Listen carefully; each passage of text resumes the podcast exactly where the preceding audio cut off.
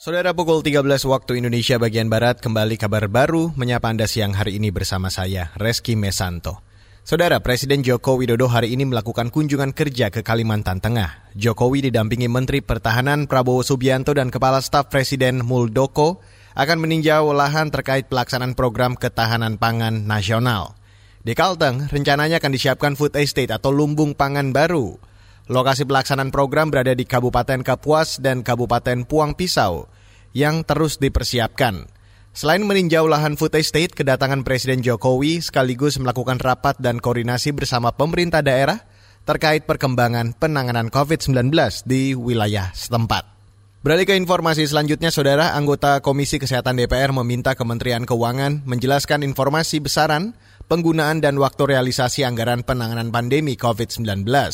Anggota Komisi 9 Saleh Daulay juga akan mendorong pembahasan lanjutan dilakukan di forum Badan Anggaran. Alasannya anggaran tersebut lintas kementerian dari Kementerian Kesehatan itu menyebutkan kepada kita mereka membutuhkan biaya 45 triliun untuk biaya pengobatan orang yang sakit COVID-19 di rumah sakit. 45 triliun itu itu kan jumlahnya besar. Sementara yang sudah teralokasi dan disetujui oleh Kementerian Keuangan itu baru 25,7 triliun, berarti kan masih banyak dong kurangnya. Itu baru biaya pengobatan saja. Belum lagi misalnya biaya-biaya yang lain, misalnya rapid test, Anggota Komisi Kesehatan Saleh Daulay mengatakan penyerapan anggaran penanganan COVID-19 oleh Kementerian Kesehatan terkendala lantaran Kementerian Keuangan belum merealisasikan seluruh biaya sebesar 75 triliun tersebut.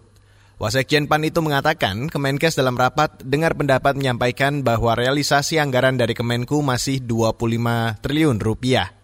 Lambannya realisasi anggaran salah satu yang membuat kesal Presiden Jokowi saat rapat kabinet pertengahan bulan lalu.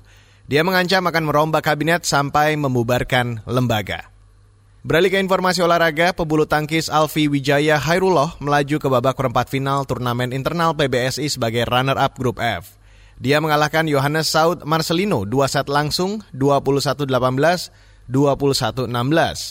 Alfi mengikuti langkah Chico Aura Dwi Wardoyo yang jadi juara grup, berada pada posisi kedua dengan satu kemenangan.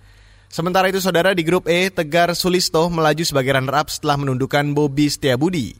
Tegar mengalahkan Bobby dalam dua game langsung dengan skor 21-16, 21-18. Tegar akan mendampingi Anthony Sinisuka Ginting yang menjadi juara grup E dengan tiga kemenangan di penyisihan. Dan saudara demikian kabar baru pukul 13 saya Reski Mesanto.